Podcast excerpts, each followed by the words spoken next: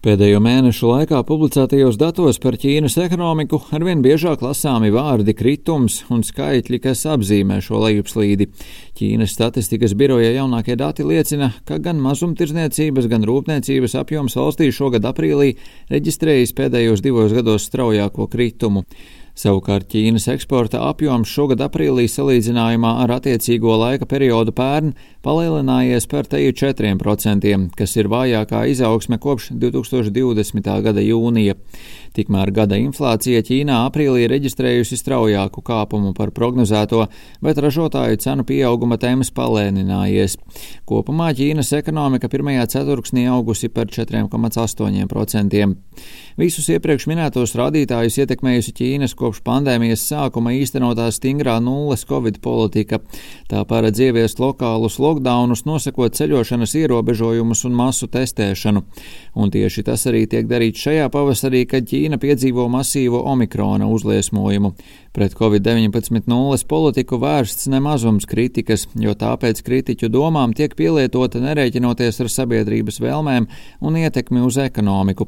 Tomēr politiķi neko sliktu tajā nesaskata, turpina Nacionālās veselības komisijas ekspertu grupas vadītājs Lijāns Vanjants.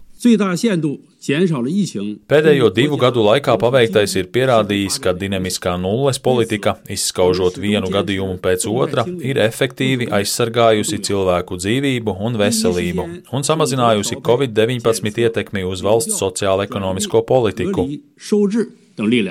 Uzliesmojumā tiek vainots zems vakcinācijas līmenis vecāka gada gājuma iedzīvotāju vidū.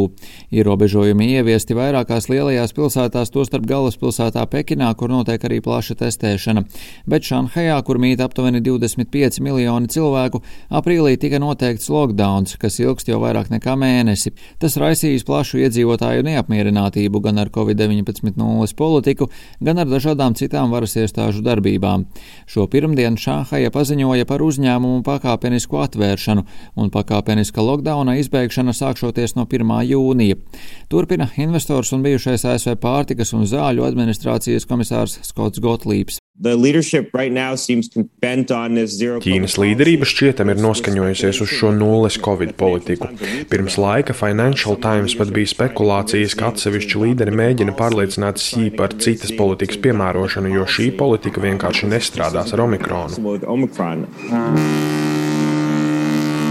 Rūpniecības pilsētā Šanhajā atrodas arī pasaules lielākā konteineru osta. Transporta kustība un ostas darbība ir traucēta, un vēl šomēnes kuģu skaits sastrēgumā pie ostas bija mērāms vairākos simtos, stāsta eksperte Ķīnas politikas jautājumos Kerisa Vita. Uh, Lai gan Šanhajas osta ir atvērta, kravas automašīnu vadītāji nav spējuši tikt cauri, paņemt preces un tās piegādāt nedēļām ilgi.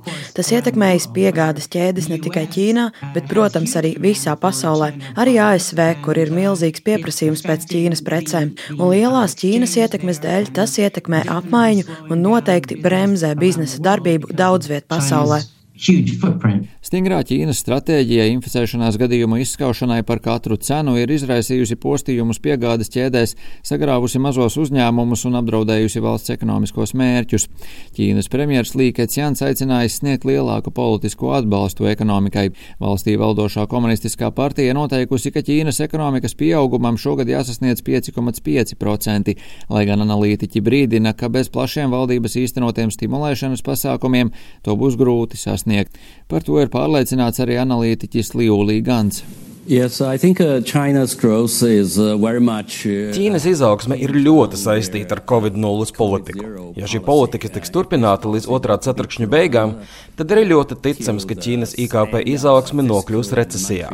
Šīs 5,5% izaugsmes mērķis nav mainīts, kas nozīmē, lai to sasniegtu, Ķīnai otrā gada pusē būs jāsniedz daudz lielāks fiskālās un monetārās politikas stimuls.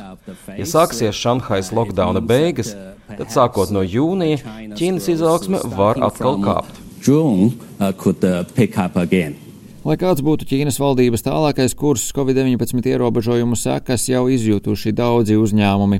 To vidū arī Vācijas uzņēmums Adidas, autoražotāji Toyota un Tesla, kā arī Japānas uzņēmums Sony. Rihards Plūme, Latvijas radio.